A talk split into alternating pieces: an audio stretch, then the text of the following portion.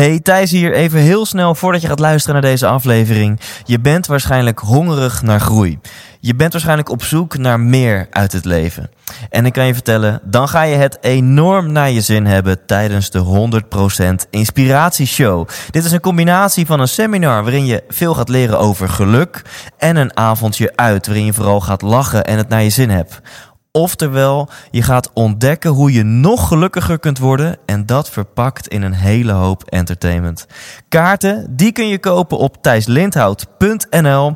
Alle vorige shows waren volledig uitverkocht, dus als ik jou was, zou ik er snel bij zijn. Heb je zin in een avond uit, vol inspiratie? Neem je partner, je collega's, je vrienden en vriendinnen mee en koop nu je tickets op thijslindhout.nl. Mijn naam is Albert Sonneveld en je luistert naar de 100% Inspiratie Podcast.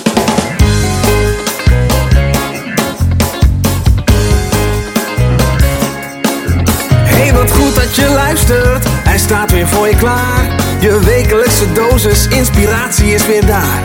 De allerleukste gasten geven al hun kennis prijs. Met je veel te blije host, hij praat je bij. Zijn naam is Thijs. Thijs, Thijs,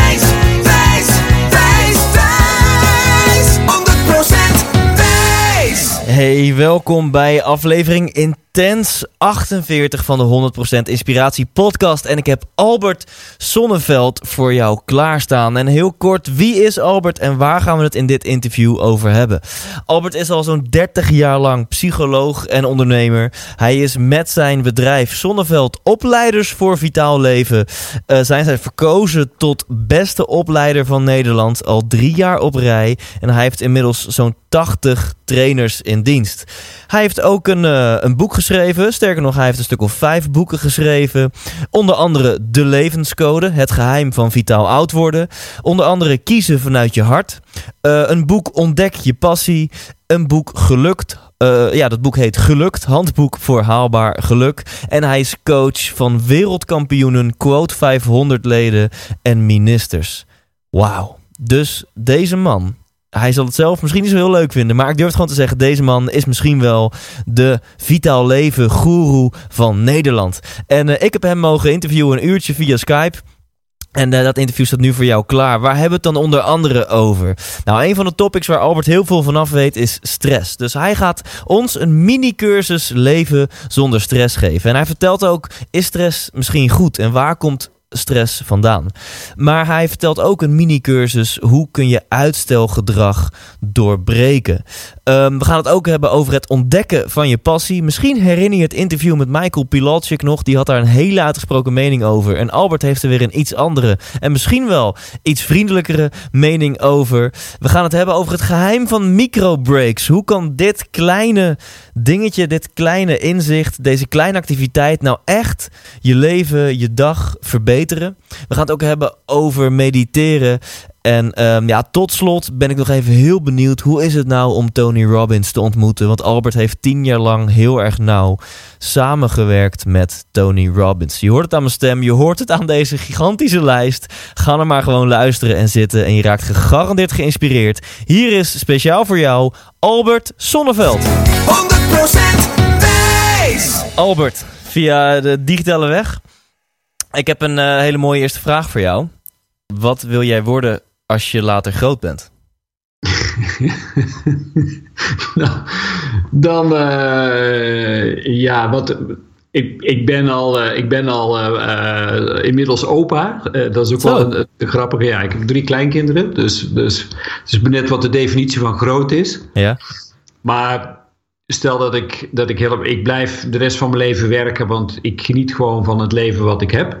Maar het allerbelangrijkste, denk ik, is dat, dat de intentie van waarmee ik werk en van waaruit ik werk, zou ik nog iets meer willen afbouwen. Dus als ik later groot ben, dan zie ik mezelf in een natuurgebied zitten op een hele mooie plek. En dan laat ik mensen naar me toe komen die dan vragen stellen. En dan is het nog steeds mijn uitdaging, net als nu, om binnen 20 minuten naar de kern van het probleem te komen. ja. Dus je, je vindt je werk veel te leuk om daarmee te stoppen? Ja, Maar je zou Ja. misschien wel iets minder intens, eh, intensief willen werken en dan lekker op een mooie plek in de natuur en laat mensen maar lekker naar jou toe komen als ze je willen spreken. ja dus ik, eh, ik, ik mediteer wel iedere ochtend en dan is mijn focus wel op, op harmonie en op eenvoud en, uh, en plezier. Dat zijn wel mijn drie belangrijkste focuspunten. En die vraag stel ik me ook regelmatig door de dag heen. Ben ik nog in harmonie? Is het nog eenvoudig genoeg? En heb ik nog genoeg uh, of voldoende plezier in mijn leven op dit moment? Ja. Nou, dit is, met, met de input die je nu geeft, heb ik alweer vijf nieuwe vragen bedacht. Uh, want je, je noemt twee interessante dingen. Je zegt iets over die 20 minuten. Daar ga ik je zo meteen uh, meer naar vragen. Maar s ochtends uh, mediteer je vaak. Daar heb je vast ja. een bewuste reden voor. Dus waarom doe je dat en wat doe je dan precies? En welke tip heb je voor mensen? Jee man, dat zijn gelijk weer drie vragen. Goed hè? ja. Nou ja, waarom dat ik mediteer is dat ik, ik, ik merk bij mezelf, mijn gedachten gaan altijd razendsnel. Een gemiddelde persoon heeft iets van 50 gedachten per minuut. En dat creëert heel veel onrust. Uiteindelijk zijn het de gedachten die, die voor een groot deel bepalen of we ons gelukkig voelen of niet. En um, nou ja, in het begin kon ik nogal heel sterk achter die gedachten aanjagen. Dus vond iedere gedachte belangrijk en ik, het gaf me ook houvast en controle. Ja. En, um, en mediteren leert me om die gedachten minder belangrijk te vinden. En meer te zien als wolken die voorbij drijven. Ah. En ik vind het interessanter om uh, wat te concentreren op de blauwe lucht. En minder op de vormen die de wolken hebben. En uh, zo zie ik het ook bij mijn gedachten. Dus het geeft me meer rust in mijn hoofd. En um, ik merk wel dat het per ochtend verschillend is of, ik, of dat makkelijker of moeilijker gaat om die gedachten ja. te laten en me er niet te veel mee te bemoeien. En wat, wat doe je precies? Kun je daar wat over vertellen? Ja, het is. Um, wat, wat bij mij werkt is gaan zitten. Dus, dus mijn gewoonte is als ik s morgens wakker word, dan eigenlijk een van de eerste dingen al in een rustige, op een rustige plek gaan zitten en um, mijn ogen sluiten en dan mijn aandacht richten op mijn ademhaling. Mijn ademhaling is mijn ankertouw. Ja. Zo noem ik dat altijd. Weet je, want ja, als je op die woelige golven zit van je gedachten, dan heb je de neiging om alle kanten op te klotsen. En dan voor je het weet ben je zeeziek. En ik, uh, ja, ik vind het juist prettig om dan steeds, wanneer ik met mijn gedachten dreig af te dwalen, weer terug te gaan naar mijn ademhaling.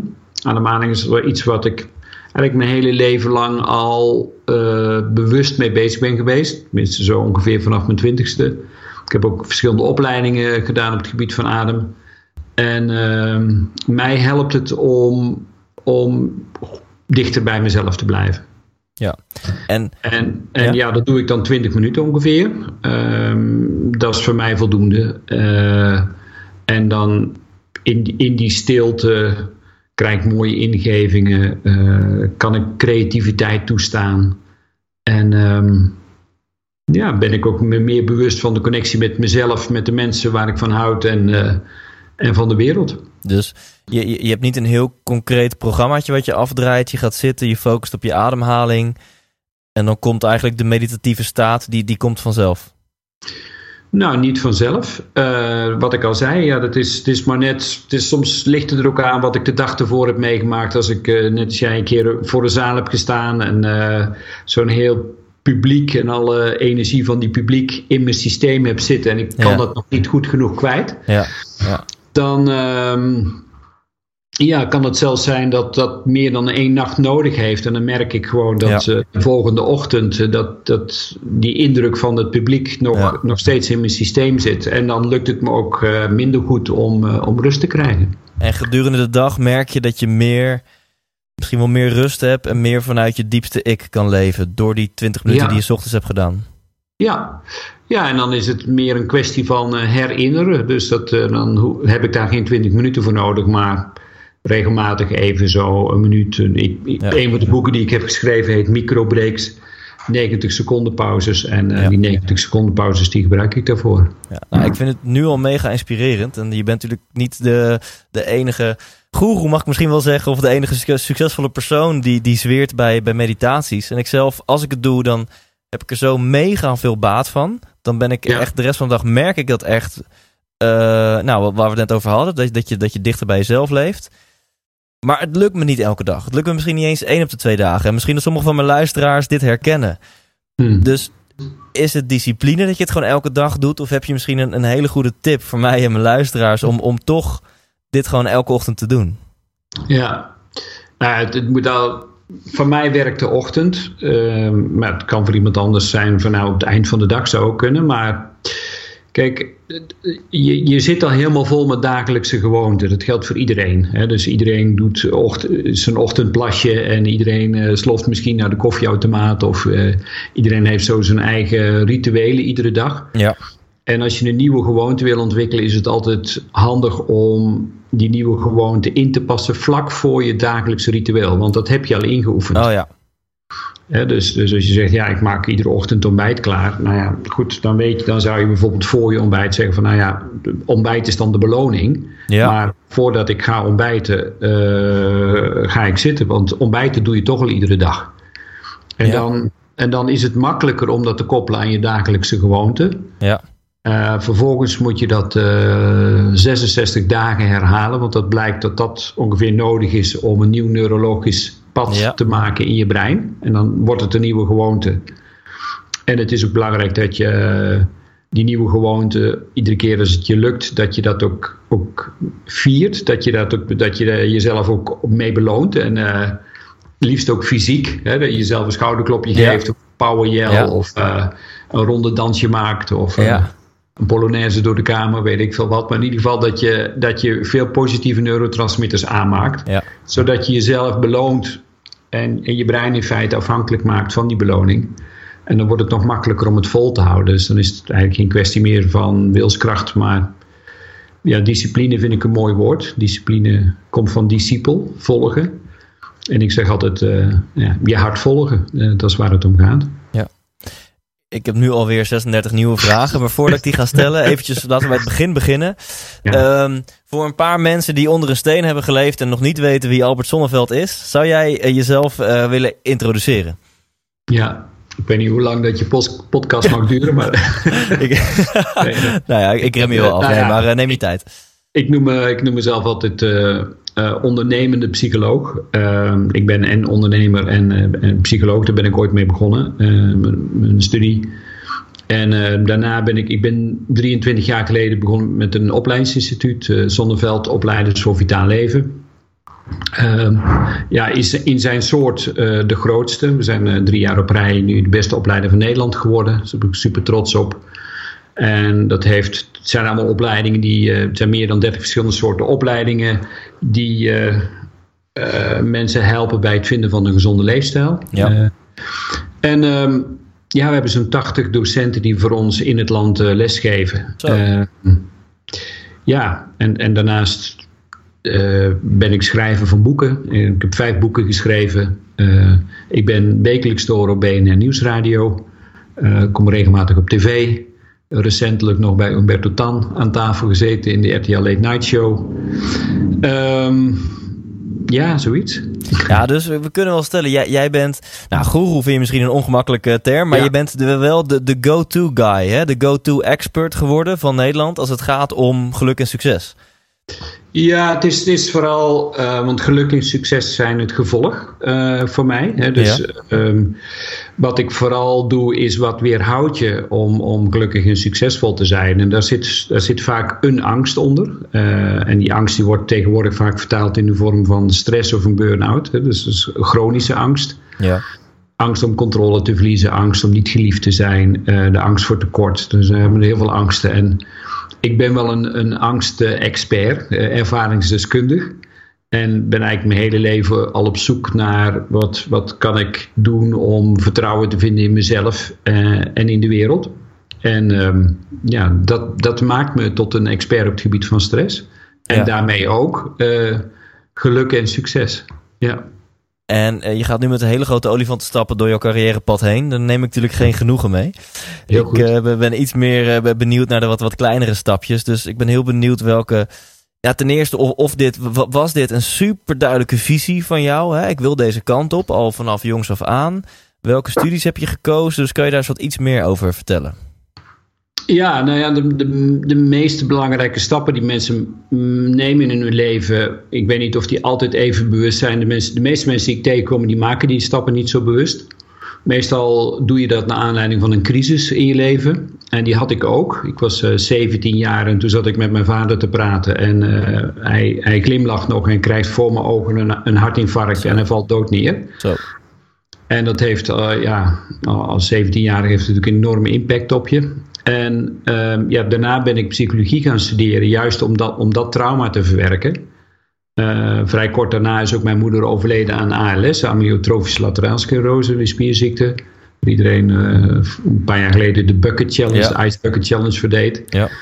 En um, nou ja, dus ik ben, ik ben eigenlijk uh, doordat mijn, allebei mijn ouders zo jong zijn overleden, heb ik wel een fascinatie gekregen voor vitaliteit. Hè? Wat, wat, wat, houdt mensen nu in leven? En misschien ook wel een onderliggende drijfveer was voor mij. Jee man, ik wil toch niet op zo'n jonge leeftijd al sterven. Dus wat kan ik doen om, om vitaal te blijven? Dus daar is wel mijn zoektocht begonnen. En, en naast mijn opleiding uh, psychologie ben ik, ben ik eindeloos gedoken in alles wat met gezonde leefstijl te maken heeft. Inderdaad, van meditatie tot massageopleidingen, kruiden, homeopathie. Ik was gewoon uh, ja, onverzadigbaar op dat gebied. Ja. En uiteindelijk ben ik er ook opleidingen uh, over gaan maken. Maar dat, ja, dat is wel het pad wat ik bewandeld heb. Maar in eerste instantie de intentie waarmee ik het deed was wel ook weer vanuit angst. Hè, want ik wil niet vroegtijdig doodgaan. En pas later in mijn leven is dat omgedraaid in een, in een verlangen om te leven. Dus dat, was, dat was wel een, een, een enorme uh, verandering ook. Ja. En nog steeds zullen er meerdere mensen zijn die, die hebben ook psychologie gestudeerd. Die hebben daarna ook. Zijn ze misschien gefascineerd geraakt door vitaal leven. Maar die zijn misschien niet zo succesvol geworden als jij. Dus kan je daar misschien je, je vingers op leggen? Wat zijn die kritische, kritische succesfactoren dan geweest in, jou, in jouw succes? Nou ja, als ik kijk, kijk uh, ik, ik denk dat ik altijd ja, gedrevenheid, passie is zijn waar een van de belangrijkste, eh, denk ik, drijfveren die je gewoon sowieso moet hebben. Dus ik noem het altijd een sterk verlangen om iedere dag opnieuw uh, het verschil te maken voor jezelf en voor de wereld. Ja. En um, ja, en ja, in, bij mij is het niet komen aanwaaien. Weet je, ik, ik ben gewoon zo'n super enthousiaste, ik noem het dat blije labrador die gewoon kwispelend door het leven gaat, maar wel gewoon in beweging blijft. En uh, en, en mijn oma zei altijd: een vliegende kraai vangt altijd iets. Ik denk, nou ja, ik moet gewoon blijven vliegen. Ja. en dan kom je daar vanzelf wel mensen tegen. Maar enthousiasme, dat werkt heel besmettelijk, heb ik gemerkt. Die, uh, die, die spiegelneuronen bij, bij ieder mens gaan erop reageren. En, ja, ja en dat, daarmee heb ik altijd mezelf en anderen geïnspireerd. En, en hoe heb jij het dan voor elkaar gekregen ondanks zo'n zware jeugd, hè, een, een, vader die overlijdt, een moeder die kort daarna overlijdt, hè, dat je niet depressief bent geworden, maar dat je een enthousiaste labrador bent geworden? Ja. Ja, weet ik niet. Maar dat is altijd natuurlijk weer de vraag. Ik heb, ik heb ook een boek geschreven over geluk. En dat heet Gelukt. En, um, ja. en ik heb, ik heb een, eh, een, aantal geluksprofessoren in de wereld gevolgd. En, en uh, wetenschappelijk literatuuronderzoek daarna gedaan. En ja, uh, een, een van die Amerikaanse geluksprofessoren uh, die zei van ja, dat is ongeveer geluk wordt voor 40% bepaald door je genen. Hè, dus dat, dat schijnt echt wel iets erfelijks te zijn. Maar 60% heb je gewoon wel degelijk zelf invloed op. Ja. En, en toen ik tot de conclusie kwam van ja, wat, wat zijn dan die factoren? Dan blijken er, dan blijken er drie factoren te zijn die bepalend zijn of je je gelukkig voelt of niet. En de ene factor heeft te maken met dankbaarheid. Vooral zien wat er wel is in plaats van wat er niet is. Ja. Uh, uh, nou ja, dat energy flows where the attention goes. Dus als je, als je dagelijks kunt zien wat er wel is, dat, dat helpt enorm. Veel depressieve mensen zien wat er vooral niet is. Ja. Uh, dus, dus dat heeft in ieder geval gezorgd dat, er bij mij, dat ik minder vatbaar ben voor depressie. Ja, het, het andere is uh, acceptatie. Op het moment dat je stopt met vechten, vluchten, bevriezen, uh, klagen en miepen en zeuren, mm-hmm. dan. Uh, en, en ja, daar hoort zo'n soort overgave bij. Van ja, het, het leven doet zichzelf. Ik moet me er niet te veel mee bemoeien. Ik geloof voor een deel in de maakbaarheid van het leven, maar ook weer niet ook weer niet te veel. Weet je, je kunt af en toe wel een afslag pakken van de snelweg, maar die weg die ligt er wel. En je kunt Misschien heb je wel invloed op de snelheid waarmee de dingen zich voltrekken, maar de grote lijnen liggen in mijn optiek echt wel vast. Dus als je dat dan maar kunt accepteren en je niet te veel mee bemoeit met leven, dat wordt ook al een stuk makkelijker. En de derde stap is wel vertrouwen. Dus, en dat klinkt ook weer zo, zo groot, hè, het is ook weer. Um, nou, dat heeft vooral veel te maken met het aspect liefde, denk ik. Op het moment dat je, wat ik altijd zeg, daar waar licht is, kan geen duisternis zijn. Dus, dus als je in een donkere kamer een, een, kaars aansteekt, dan kan het licht de duisternis wel verdrijven, maar de duisternis nooit het licht. Ja. En um, nou, dat, dat is wat ik altijd diep van binnen gevoeld heb en nog. En dat maakt waarschijnlijk dat ik minder vatbaar ben voor depressiviteit. En uh, zou je die derde nog iets concreter kunnen maken? Nou ja, vertrouwen. Ook vertrouwen is, is iets wat je wel kunt oefenen, volgens mij. Weet je, je kunt wel uh, angst. Uh, ja, 9 van de 10 dingen waar wij bang voor zijn, dat, dat 80% denk ik van de dingen waar we bang voor zijn, die zijn niet, niet reëel. Weet je, ja. dat zijn gewoon.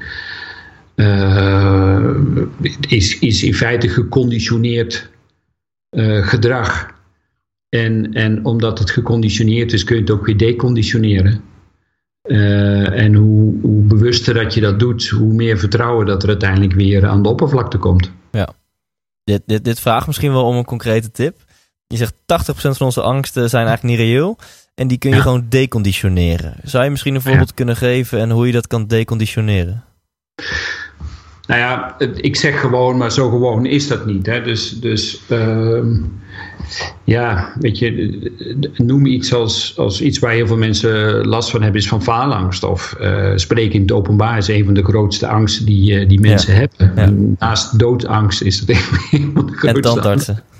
ja, maar um, ja, wat, wat kun je doen? Kijk, een concrete tip is, is iedere angst die je wil overwinnen, begint altijd met het, met het stellen van een duidelijk doel. Dus, dus als het doel maar groot genoeg is voor je dan, en, en belangrijk genoeg, of het verlangen is groot genoeg om dat doel te realiseren, ja, dan ben je ook wel bereid om, om risico's te nemen. Weet je? Dus, dus, dus sowieso stel een heel duidelijk doel. Ja. En verder helpt het mij wel om, om te visualiseren dat ik het doel al gerealiseerd heb. Dus, dus ja, ik zie mezelf dan op dat podium staan.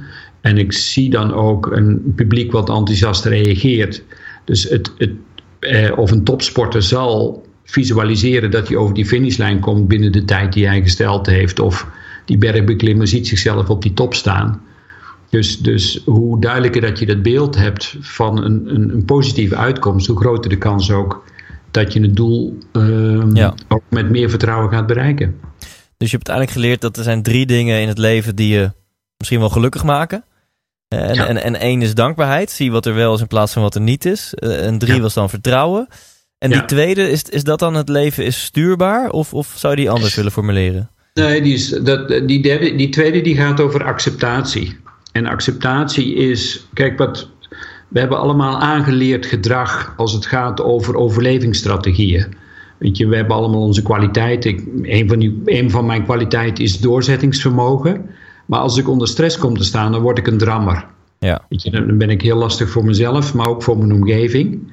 Dus het is eigenlijk een overdreven kwaliteit op het moment dat ik stress heb. Het is eigenlijk een, een overlevingsstrategie. Maar ik merk uiteindelijk dat ik met minder drammen uh, verder kom. Als ik weer terug kan vallen op dat ja, gedisciplineerde doorzettingsvermogen wat ik heb. Ja. Uh, dus ja, als ik me niet laat verleiden door angst, lees, stress, dan, ja, dan, dan ben ik in die acceptatie dat het al oké okay is. En dat ik niet, soms niet aan een dood paard moet gaan liggen trekken of ja. uh, ergens vol in moet vliegen. Uh, terwijl het misschien beter is om even te wachten. Ja.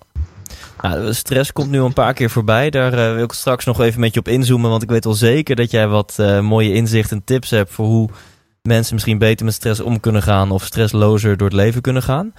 Um, maar ik wil nog heel even blijven bij jouw zakelijke succes. Um, van 1 naar 80 trainers. Want ik denk dat je begon met 1, namelijk jijzelf. Ja. Dat is, ja. uh, en dan nu drie jaar op rij hè, verkozen tot de beste opleider van Nederland. Ja. Um, ja, hoe doe je dat? nou ja, dat doe je natuurlijk niet alleen. uh, samen met mevrouw Karin, uh, die doet met name het operationele stuk, een algemene stuk van uh, Zonneveld uh, opleiders voor vitaal leven. Maar um, ja, ook die principes zijn weer, weer heel duidelijk. Ik denk dat het succes van succesvolle bedrijven tegenwoordig is, is dat je de klant weer meer centraal gaat stellen. En, en Karin die is gespecialiseerd in customer intimacy, zoals we dat zo mooi noemen. Ja.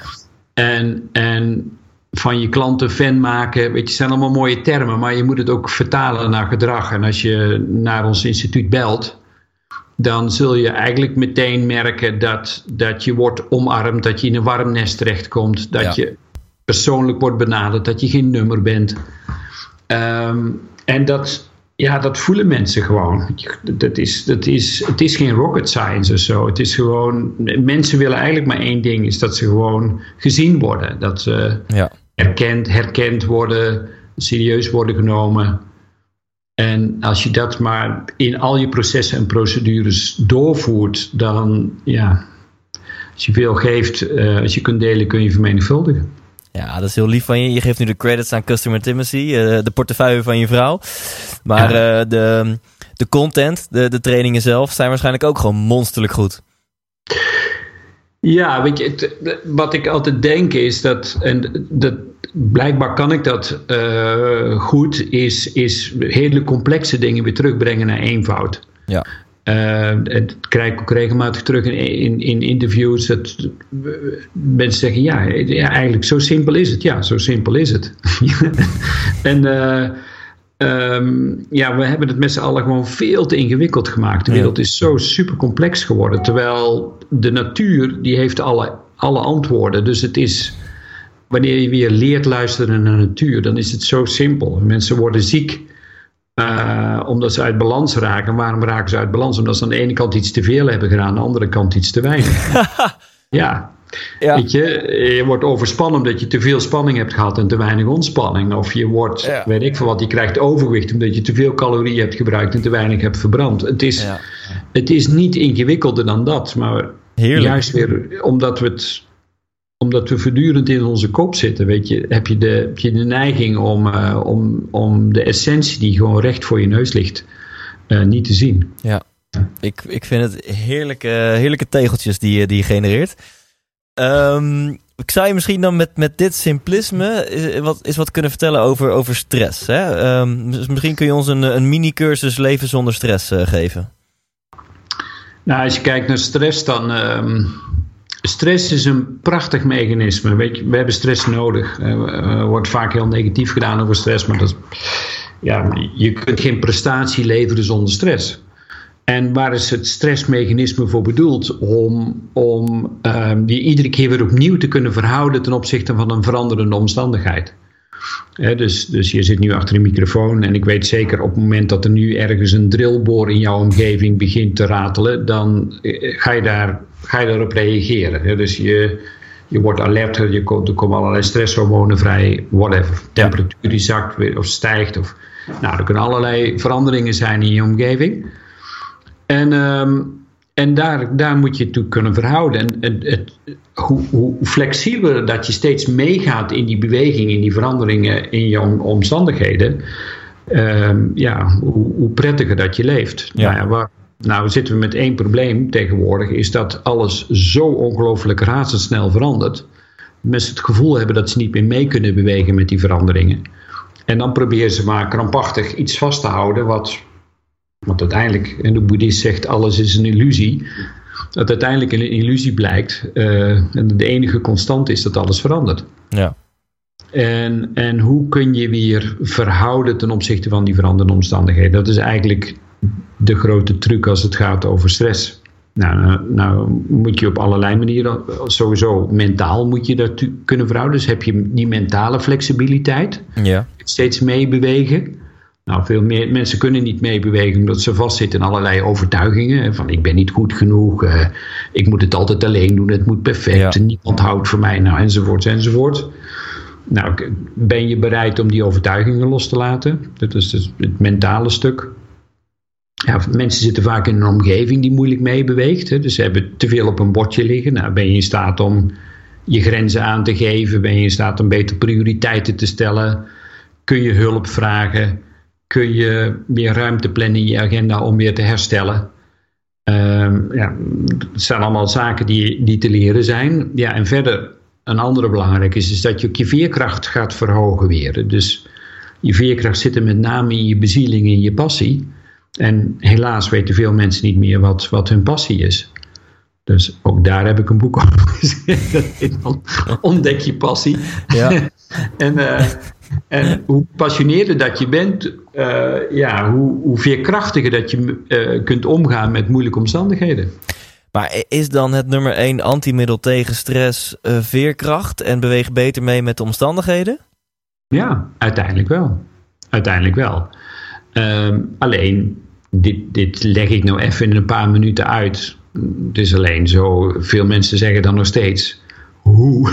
Ja, precies. We, hebben tijd, Albert. Kom, maar door. Hoe? Ja, ik vind het toch het leukste om dan maar gewoon jou even bij de kop bij de horens te pakken. Uh -oh, uh -oh. Ja. op het moment dat jij, als je misschien niet, maar weet ik veel, op het moment dat je stress ervaart, wanneer, wanneer heb je dat dan? En onder welke omstandigheden? Wat is voor jou een stressvol moment? Ja, als er, uh, ik denk een herkenbaar ook voor heel veel mensen. Ik heb natuurlijk mijn eigen bedrijf, dus als in dat bedrijf dingen niet helemaal gaan zoals ik het wil. En soms ook wel als ik me machteloos voel om wat aan te doen. Dat is wel echt een formule voor stress. Ja, ja, en dat is eigenlijk ook de definitie gelijk. Hè? Tenminste, stress wordt pas stress op het moment dat je het gevoel hebt dat je geen keuzemogelijkheid hebt. Ja. Ja. Dus, dus de definitie van stress is de psychische en lichamelijke spanning die ontstaat als het verschil tussen moeten en kunnen langdurig te groot is. Zo. Het verschil tussen moeten en kunnen langdurig te groot is. Ja, maar nog even terug naar jou. Ja. En dat, dat is wat je dus zegt, uh, Thijs, van ja, ik voel me machteloos. Dus eigenlijk wat je zegt is, um, ik heb het gevoel dat ik geen keuzemogelijkheid heb in deze situatie. Ja. En, en dat is een overtuiging. Want je hebt altijd de keuzemogelijkheid. Een van mijn mantra's is: er is altijd een weg. Soms kun je de situatie niet veranderen, maar je kunt jouw ja. gedachten ten opzichte van de situatie heb je wel invloed op. Ja. En op dat moment moet je even, of je moet niks, maar zou het handig zijn om even stil te zitten en te constateren: ik voel me machteloos. En vervolgens, oké, welke, welke mogelijkheid heb ik nog niet onderzocht? Of hoe ja. zou ik anders naar de situatie kunnen kijken? Of wat zou een betere oplossing zijn? Of welke mogelijkheid heb ik nog niet onderzocht? Ja. Whatever.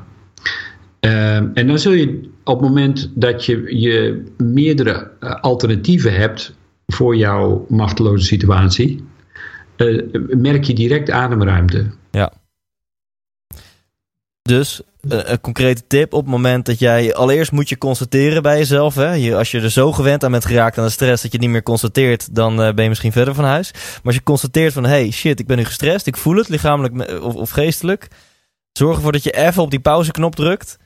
En even gaat zitten en analyseert van... hey, wat is er nu aan de hand? En voel ik me machteloos? En welke alternatieven zijn er? En dan komen ja. er vanzelf keuzemogelijkheden. En met die ja. gedachte-exercitie zou de stress al, al minder moeten worden. Ja, ja, veel mensen blijven maar als een dolle doorrennen dan. Dat is een soort hamster in een tredmolen. Ja. Dat, maar dat schiet natuurlijk niet op. Het eerste is, is bewust worden van de signalen, precies wat jij zegt. Uh, je, op het moment dat je derde paracetamol achter je kiezen hebt, dan is het misschien handig om eens te gaan. dat je steeds meer wijntjes nodig hebt om hetzelfde gevoel te hebben. Ja, ja. Dan, dan is het misschien handig om, om daar eerst eens mee te stoppen. En te zeggen van hé, hey, dit is wel een duidelijk signaal. Ja. En vervolgens ja, moet je eigen verantwoordelijkheid gaan nemen. Je kunt niemand schuld geven, niet je collega's, niet je medewerkers, niet je klanten, niet de maatschappij. Uh, jij hebt blijkbaar iets gecreëerd uh, in, in jouw omgeving wat maakt dat je vast komt te zitten. Ja. En vervolgens, als je daar verantwoordelijkheid voor neemt, welke andere keuzes kan ik maken? Ja. Er, is, er, is, er, is altijd, er is altijd een keuzemogelijkheid. Ja, dus neem verantwoordelijkheid, misschien hoe pijnlijk het ook al is. Ja. En, uh, en weet, er is altijd een weg. Ga jezelf altijd. nooit vertellen dat er, geen, dat er geen weg is. Nee, onmogelijk. Ja. Ja, en dus, dus even op die pauzeknop drukken, dat is dus heel belangrijk. Hè? Ik hoor Remco ja. Klaas al zeggen, die zou zeggen gappen, gappen. En jij noemt dat denk ik microbreaks. Ja, Kan je daar, eh, ik maak weer een heel mooi bruggetje, al zeg ik het zelf. Kan je daar eens wat meer over vertellen, over die microbreaks? Want daar heb jij eh, volgens mij wel een, eh, een mening over. wat een mooi bruggetje maak je. Ja, dankjewel. Ja, microbreken. Weet je, het is, als je kijkt naar de natuur, alles heeft pauzes. Weet je, dat is, dat is zo prachtig om te zien. Eh, je ademhaling heeft een pauze als het goed is. Dat noemen ze een adempauze. Je hartslag, hè. als je naar een eh, cardiogram kijkt, dan zie je een pauze. Eh, vrouwen hebben in een menstruatiecyclus een pauze. Weet je, de, alles, alles heeft een pauze. Alleen, eh, we nemen hem niet meer. Ja. Dus... Ehm, wanneer we terug willen naar ons oorspronkelijke of oorspronkelijke ritme, Ja. dan is het wel handig om daar weer beter naar te luisteren. En ehm, ja, dat kan lang en breed zijn, maar je kunt nu al, terwijl je luistert naar deze podcast, kun je al besluiten zeggen: Oké, ik geef me even over aan de zwaartekracht. Zo simpel is dat. Dus dat doe je nu al heel goed. tijdens- Dus je voelt je gedragen door de stoel. En dan merk je eigenlijk al vrij snel dat je ademhaling wat zakt.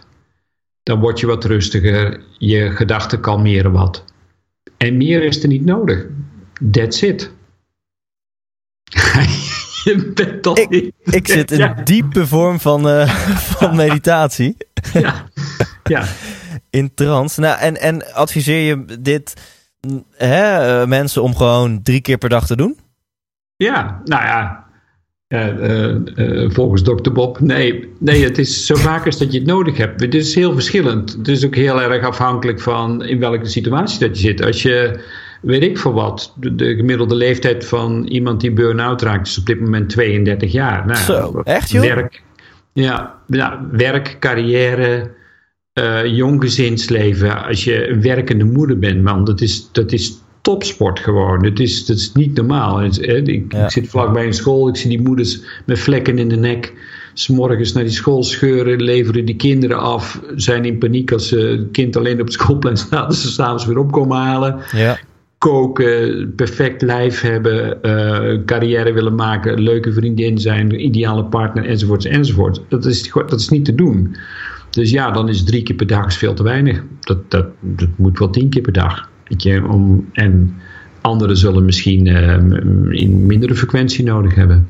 Maar ik, ik hoor nu mijn luisteraars denken, sommigen van ja, dat ben ik, zo is mijn leven. Of ja, dat is het leven van mijn vrouw. Of mijn leven Ja. lijkt er heel erg op.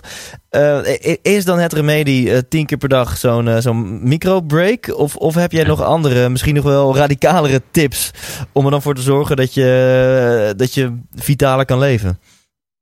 Ja, kijk, microbreaks, hoe mooi dat ze ook zijn en hoe belangrijk ook uiteindelijk is symptoombestrijding. Hè? Want eh, je zult, we hebben we al over gehad, stress dwingt je tot keuzes maken.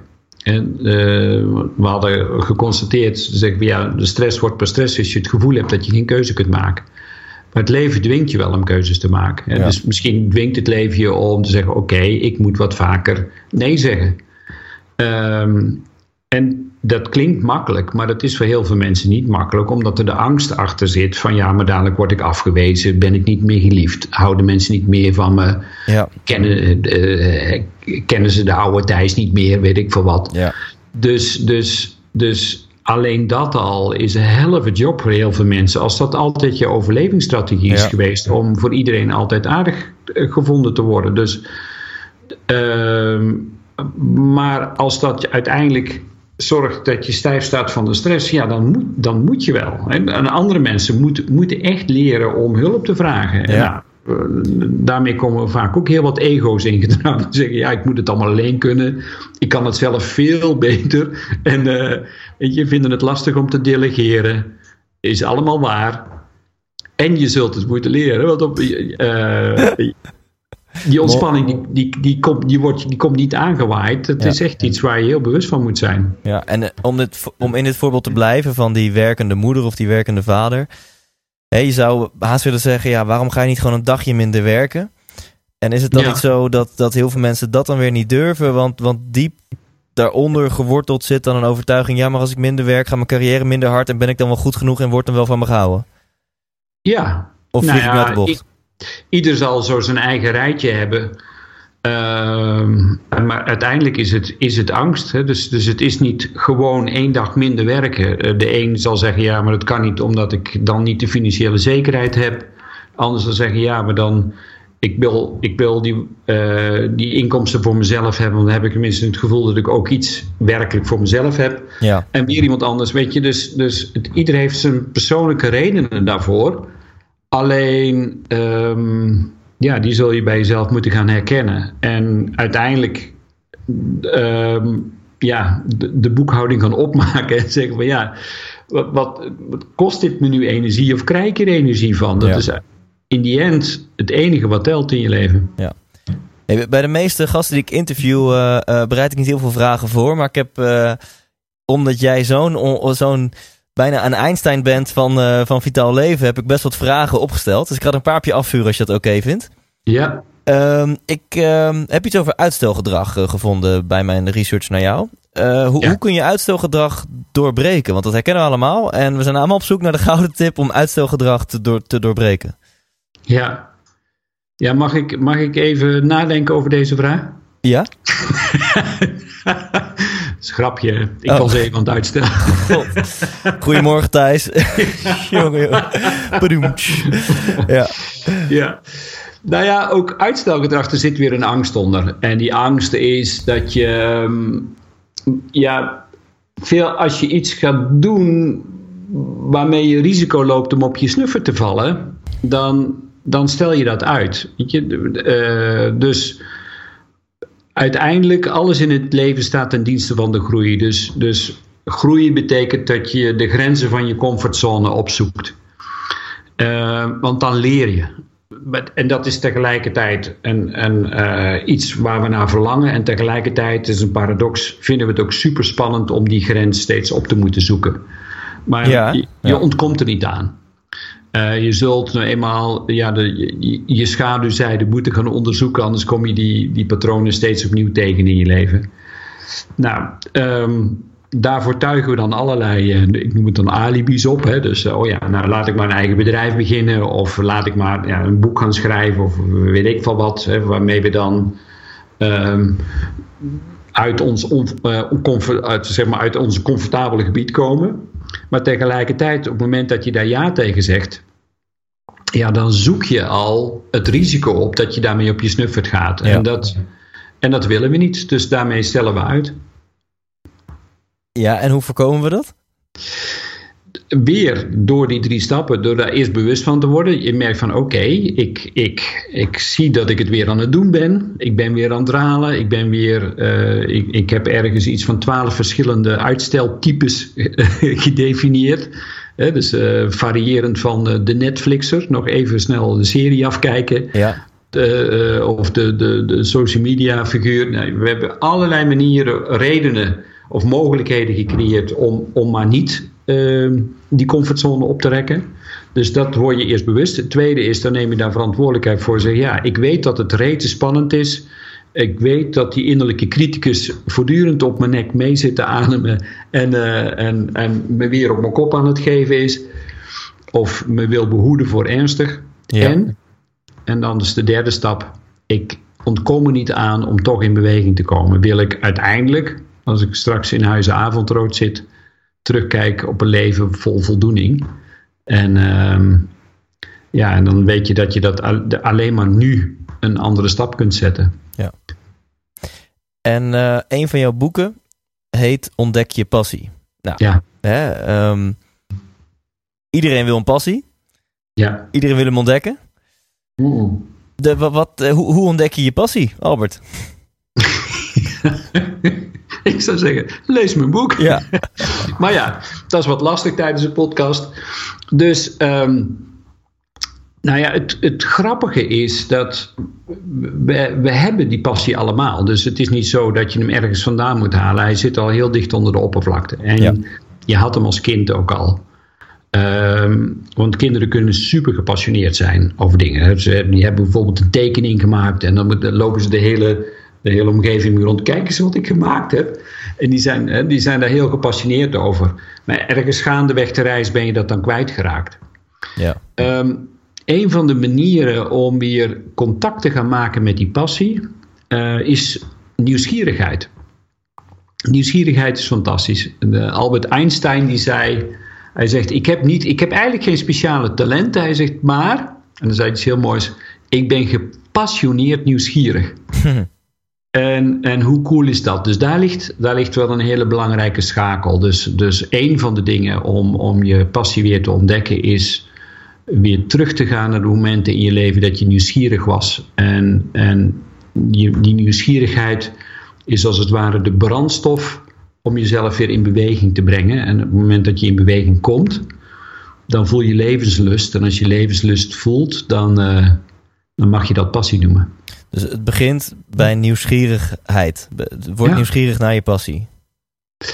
Ja, nou, het wordt, wordt vooral niet zozeer naar je passie, want nieuwsgierigheid en passie zitten naadloos, zijn naadloos aan elkaar verbonden. Dus op het moment dat jij nu al iets van nieuwsgierigheid voelt, naar wat dan ook, welk onderwerp ja. of naar welk mens of naar welk concept dan ook, dan ga je op zoek, dan, ga je, dan kom je in beweging.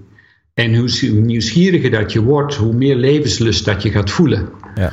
Uh, om, ja, om te ontdekken, om, om, om die nieuwsgierigheid te bevredigen. En die bevrediging van die nieuwsgierigheid, dat is, dat is de weg naar passie. Tof. Ik, ik heb nog een paar vraagjes. Heb je nog tien minuten? Of, uh... Ik wel, ja. Ja, te gek. Um, nou, een van je, je geeft een stuk of vijf masterclasses. Daar gaan we zo meteen natuurlijk ook ongegeneerde promo voor doen. een van die masterclasses heet Realiseer je dromen. Ja. Ja, nou wil ik eigenlijk de beide handen vraag stellen. Wat is nou de essentie van die masterclass? Wat, wat, wat vertel je daar in Realiseer je dromen? Ja, nou ja, um, ieder, ieder, mens heeft natuurlijk een blauwdruk. Uh, tenminste, dat is mijn overtuiging. Dat je niet zomaar zo plomp verloren op de wereld komt, maar dat, dat er wel er is wel degelijk een bedoeling in je leven. En hoe dichter dat je bij die bedoeling bent, ja, hoe, hoe gelukkiger dat je je ook zult voelen. En, um, en we hebben daar al veel van behandeld in deze podcast ook. Bij, bij Realiseer je Dromen gaat het in eerste instantie vooral over ja, waar, kon je van dromen als kind? Wat, wat waren je verlangens, je behoeftes? Wat, wat zou je willen hebben? Wat zou je willen doen en wat zou je willen zijn? Op het moment dat je dat, daar dan duidelijk beeld van hebt, dan kom je daar al dichterbij. En dan vervolgens ga je eens kijken naar momenten in je leven dat je het al geleefd hebt. Want uh, die, die zijn er gewoon. Alleen mensen maken vaak de verwarring dat ze zich denken: ja, het, het gaat om die vorm. Hè? Pas als ik die, die, die, uh, die bed and breakfast in Zuid-Frankrijk heb, dan ben ik gelukkig. Ja, hè? ja, ja, Maar het gaat helemaal niet over die bed and breakfast. Uh, maar het gaat over dat wat die bed and breakfast je geeft. Het, het is een voldoening uh, die je haalt uit dieper liggende waarden die die Ja. bed and breakfast. Misschien zijn het de mensen of de gasvrijheid die Ja. je kunt hebben of het contact met de natuur, whatever. Nou, bij Realiseer je Dromen gaat het vooral in eerste instantie over het weer herontdekken van die, die dieper liggende drijfveren die je hebt.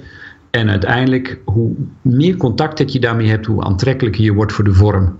Ja, dus stel hè, dat je zo gezegend bent dat je al een hele concrete droom hebt. Bijvoorbeeld dat bed and breakfast in Zuid-Frankrijk. Dan zeg Mhm. jij, ja wacht eens even, ontdek eens eventjes de onderliggende waardes.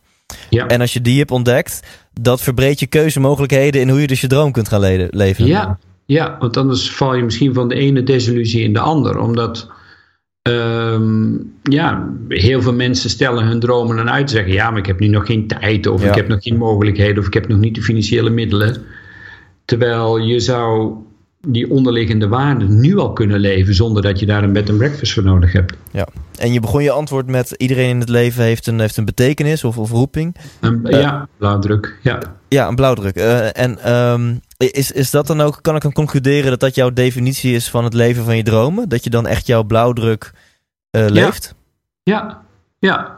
Ja, dat is ook een beetje het, het lastige van het leven. Want ieder mens die, die loopt altijd met twee vragen rond. Eh, dat is wereldwijd. En, en ook, cult, ook niet cultuur of religie bepaald. Die twee vragen zijn wie ben ik en wat wil ik. Dus daar, daar zijn we een heel leven mee bezig. Dat houdt ons ook in beweging. En ehm, ja, dat is ook een beetje de paradox van het leven.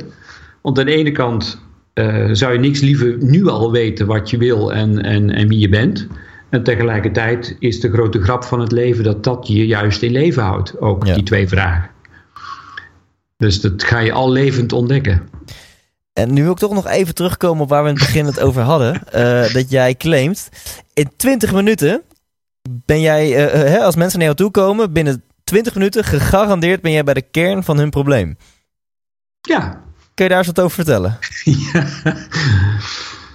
Nou ja, weet je, het is, ehm, dat, dat, het is een big fat claim en het, uh, het, daagt, het daagt de mensen ook uit, maar het daagt mij ook uit. Ja, absoluut. uiteindelijk gaat het over een aantal angsten die mensen hebben. Het, is, de, het drukt zich op allerlei manieren uit, maar wat ik al zei, een van die angsten is om de controle te verliezen of een, uh, om niet geliefd te zijn of angst voor tekort. Of, nou, zo hebben we een aantal angsten. En uiteindelijk vertaalt dat zich in gedrag. En als, je, en als je bij mij komt, dan kom je in eerste instantie met een klacht. En wat ik altijd al zeg, die klacht waar mensen mee komen is nooit waar ze in werkelijkheid last van hebben. Ja. maar, is het, maar is het gevolg van waar ze van last van hebben. Ja. En het, het bijzondere is, ze zeggen ja, ik heb last van stress. Dan zeg ik ja, daar heb je helemaal geen last van. Hè? Maar dat is het gevolg. Misschien heb je last van, wat, waar we het al over hadden, misschien vind je het lastig om je grens aan te geven. Het gevolg is dat je stress hebt. Wat maakt dat je het lastig vindt om je grens aan te geven? Ja. Nou, en dan, dan, dan komen we ergens. Hè? Dan krijg ik wel een antwoord waardoor, dat, waardoor mensen het lastig vinden om een grens aan te geven. En als je daar dan nog even op doorvraagt, en dat is natuurlijk wel de, de truc, dan, uh, ja, dan kom je al heel snel bij de essentie uit. Ja, dus eigenlijk, is, eigenlijk is het doorvragen en het, het, het oppervlakteprobleem afpellen als een soort van ui, ja. totdat je bij, uh, bij de kern komt. Ja, ja. En dat, uh, ja, ik maak er een sport van om dat in 20 minuten te doen. Ja. nou, daag Albert uit, zou ik zeggen. Ja, ja. ja. Als, als ze jouw tarieven kunnen betalen. ja. nou ja, ik, uh, ik, ik geef nauwelijks individuele coaching. Ik doe ja. nog wel executive coaching, maar dat zijn maximaal acht mensen per jaar. Ja.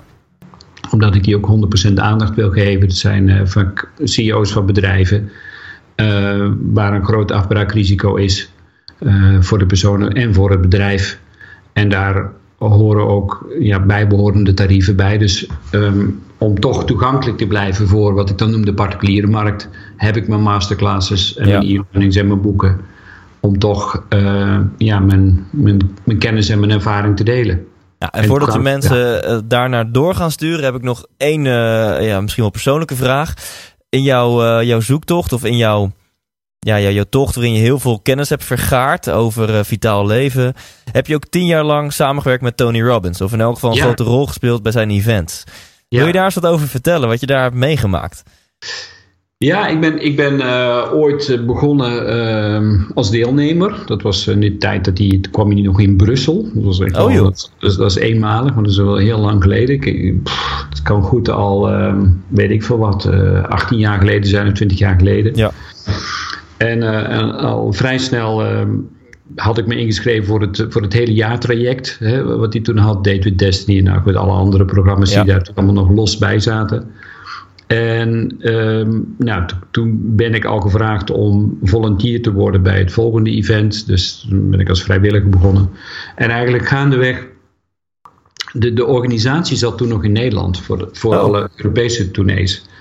En uh, ja, toen vonden ze het toch wel makkelijker om een, makkelijk om een Nederlander te hebben die en uh, ja, Nederlands, Engels en een beetje Frans uh, kon praten. En alle toeleveranciers die kwamen ook uit Nederland. Dus alle ja. grasmatten voor de, voor de vuurloop en hout en de, ja. en de, de, de, de drumband en, en alles en de, de hele installatie. En um, ja, op een gegeven moment toen werd me door de, toen is die organisatie verhuisd naar Cyprus. En toen hadden ze gevraagd van ja, goh, wil je dan uh, de Europese events begeleiden? En toen later is ook door de organisatie gevraagd van goh, Albert, wil je niet in Fiji, ook geen vervelende plaats, uh, trainingen gaan geven, met name in het ochtendprogramma, ja. yoga en alle andere dingen, aan de deelnemers. Voor, uh, ben je dan uh, facilitator geweest bij Life of Wealth Mastery? Bij Life Mastery, ja. Ja, ja, ja in, in Fiji. In, gaaf. ja, Wat gaaf. En, ja. en dat hield dus in dat je, je mocht echt wel een stuk zelf trainen en, en voor een ander deel ook video's van Tony aankondigen, denk ik, of niet? Nee, niet de video's, maar ik deed gewoon het, uh, een deel van het ochtendprogramma. Okay. Uh, voor, voordat mensen weer de zaal in gingen. Uh, om, om ze met name bij dat vitaliteitsstuk te helpen. Ja. Bij Life Mastery. Dus ja. ja, jij hebt Tony meerdere malen persoonlijk ontmoet? Ja, ja, ja. Zowel vooral backstage dan. Ja. Eh, Frontstage en backstage en in de green room. En, ja. Ja, ik, ik, nu blijf ik even stil. Ik ben natuurlijk, eh, ik, ik loop heel hard te azen en te lobbyen om hem te gaan interviewen. Zeker gezien hij naar Amsterdam komt eh, in juni. Maar ik ben wel even benieuwd, hoe, hoe, hoe is het om, om met hem te spreken? Hoe is hij eh, achter de schermen? Ja, het ligt er maar net aan in welke, op, op welk moment dat je hem treft. Want zowel vlak voor zijn optreden als vlak daarna, dan, Ja, hij, hij geeft zich volledig. Ja. Dus, dus hij, het is een hele warme, empathische en supergedreven man. Ehm, maar dat is hij onstage, maar backstage ook. ja, Ehm, dus ja, er is, er, is, er is veel altijd. Het is, alles is in, in, in superlatief op het moment dat je in de buurt bent. Dus ja. Hey, ik ga jou onder spot zetten. Een aantal tegenstellingen eh, ingestuurd door mijn luisteraars. En daar mag je er één uit kiezen. Dus je moet antwoorden vanuit je intuïtie. Maar dat is aan jou wel besteed, denk ik. We, gaan, eh, ja, we gaan er vol in. Oké, we gaan er vol in. Komt-ie. TV of Netflix? Eh, Netflix. Stad of dorp? Dorp. Hoofd of hart? Hart. Praten of luisteren? ja, eh, praten. Boek of podcast? Ja. ja, toch boek. Ja, daar was ik ook bang voor. Auteur Ja. van vijf boeken. Bier of wijn? Eh, wijn. Dronken of stoned? Strand. Oh, Nee, stone. Dus ja, dronken Oh, of stoned. dronken. Ja, stoned Oh, komt zo meteen ja. nog. Ja, dan eh, doe toch maar dronken. Jong en onbezonnen of oud en wijs? Oud en wijs. Kijk, Sinterklaas of kerst? Kerst. Ferrari of Tesla? Tesla. Beatles of The Stones? Mm, Beatles. Poetin of Trump? Jezus, man. Nee, Jezus, die zat er niet tussen. Ja. Ja. Nou ja. Dat is een dilemma. hè. Dan toch maar Trump. Dan toch maar Trump. Nou, nu komt hij. Wintersport of strand? Ja. Strand. Nederland in en er nooit meer uit of Nederland uit en er nooit meer in? Nederland uit er nooit meer in. Oké, zou je die willen toelichten? Ja, dan, het is natuurlijk een eh, onmogelijk dilemma. Eh, zeker ook, weet je, we hebben een samengesteld gezin met zes dochters. En, eh, en één daarvan die woont in Peru, in Lima. Dus ik, ik ga er regelmatig uit. Eh, ehm, en het is altijd verscheurd dan, hè, want eh 10.000 kilometer verderop. Ehm, en ik zou heel graag bij hun in de buurt willen wonen. Maar we hebben ook nog meer dochters. eh, waarvan er een aantal ook nog in Nederland wonen. Maar je, ik heb het gevoel. dat zijn allemaal van die reislustige dames. Dat Ja. ze op een gegeven moment steeds verder buiten Nederland gaan wonen. Ja. En dan is het, eh, om dan toch dichtbij ze te kunnen zijn. Is het beter om buiten Nederland te wonen. Ja, eh, dan erin te wonen. Oké. Laatste, één dag koning of één dag weer kind? Ja, nou, absoluut één dag weer kind. Oké, leuk. Ik heb een vraag eh, aan jou van Nicolien Sauerbrei. Ja. Komt-ie? Hoi Albert, heb jij het gevoel dat je de laatste jaren nog meer van waarde kan zijn dan de afgelopen jaren? Oftewel dan vroeger? Want ik denk dat mensen meer ballen proberen hoog te houden en daardoor meer aan hun eigen geluk voorbij gaan. Ik ben heel benieuwd.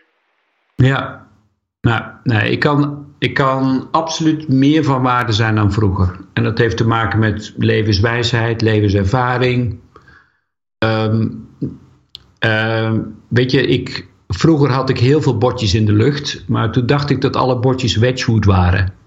En ik vergat dat er sommige bordjes ook HEMA-bordjes tussen zaten. En die HEMA-bordjes kan ik nu lekker laten kletteren. En Ja. Boeit me voor geen meter. Vind ik ook niet meer belangrijk. Van eerst, weet je, vond ik ego ook nog een stuk belangrijker. Eh, omdat ik mezelf nog onderwaardeerde. Ja. En, en omdat ik dat minder belangrijk vind, kan ik ook duidelijkere keuzes maken. En hoef ik ook eh, minder ballen in de lucht te houden. Dus, dus met de jaren is steeds meer wijsheid gekomen en met die wijsheid maak je duidelijkere keuzes. Waardoor Ja. je juist veel minder ballen in de lucht aan het houden bent dan 20 jaar geleden. Ja, absoluut. Mooi antwoord. Volgende week interview ik Fred Matser. Ja, En jij mag een hele mooie vraag eh, aan hem stellen. ja. eh jee man, daar overval je me even mee, maar het is wel... ehm, ja. En aan Fred zou ik willen vragen wat... ehm, in hoeverre wil je invloed hebben op je omgeving? En in hoeverre durf je de zaken aan toeval over te laten? Kijk, kort maar krachtig. Ik vind het echt een goede vraag. Ja, die is voor Fred denk ik heel spannend. Want aan de ene kant is er een, is er, weet, ja, weet ik dat er een sterk verlangen is naar spiritualiteit. Ja? En aan de andere kant is dat voor hem ook eh, een heel spannend gebied. Eh, omdat het zakelijk succes wat hij heeft, nog steeds wel het idee heeft dat hij dat eh, zeg maar op heel veel persoonlijke, persoonlijke credits heeft verdiend. Ja, En, ehm, en vandaar mijn vraag. Mooi, mooi. Ik denk dat veel luisteraars nu, nog, nu denken, "Huh, Fred Matser nog nooit van gehoord. Nou, dan moeten ze gewoon maar volgende week luisteren. Dus Ja. Zeker, eh, denk ik, het luisteren waard. Een uurtje een gesprek met hem. Ja, Ehm, tot slot, Albert, is er nog een vraag eh, die ik had moeten stellen, maar niet heb gesteld. Man, je hebt zoveel vragen gesteld. Ehm, nee, nee, ik denk het niet. Nee, volgens mij ja, zijn we wel, eh, hebben een heel geanimeerd en een heel plezierig gesprek gehad, Thijs. Nou, dan eh, wil ik jou bedanken voor jouw wijsheden. En vooral tegen mijn luisteraars zeggen van, smaakt dit naar meer? En het antwoord is natuurlijk ja. Dan kunnen ze meer van jou vinden op albertsonneveld.nl. En Sonneveld Ja. begint met een S en eindigt op een T. Ja, En daar kan je je inschrijven eh, voor een van jouw masterclasses. En eh, je kan je boeken, je e-book en wat ik veel allemaal hele waardevolle content vinden. Ja, zeker weten. Toch? Nou, dankjewel Thijs voor de uitnodiging. En eh, heel veel succes met alle goede dingen die je doet. Ja, dankjewel. Graag gedaan. 100% Thijs! Bedankt. Bedankt, bedankt, bedankt, lieve luisteraar. Je hebt ook Intens 48 overleefd. Dit is misschien wel een aflevering om gewoon met een notitieblokje nog eens terug te luisteren. En, eh, en notities te maken. En, eh, eh, want ja, ik vuur best wel veel vragen op hem af. En er komen best wel veel wijze inzichten, wijze tegeltjes en, en ehm, mooie lessen uit van Albert. Wil je Albert een keer checken? Dat kan ik 100% aanraden. Check sowieso zijn site albertsonneveld.nl. Eh, los van de masterclasses waar je uiteraard gewoon voor moet betalen, vind je ook gewoon heel veel gratis content. Zoals een gratis e-book eh, Leven zonder stress. Ik heb het e-boekje ook gedownload en eh, dat is best wel tof om ook even te doen. Dus check albertsonneveld.nl. Volgende week een interview met Fred Matser. Ga maar googlen als je hem niet kent. Dat wordt waanzinnig, dat weet ik nu al. En leef intens.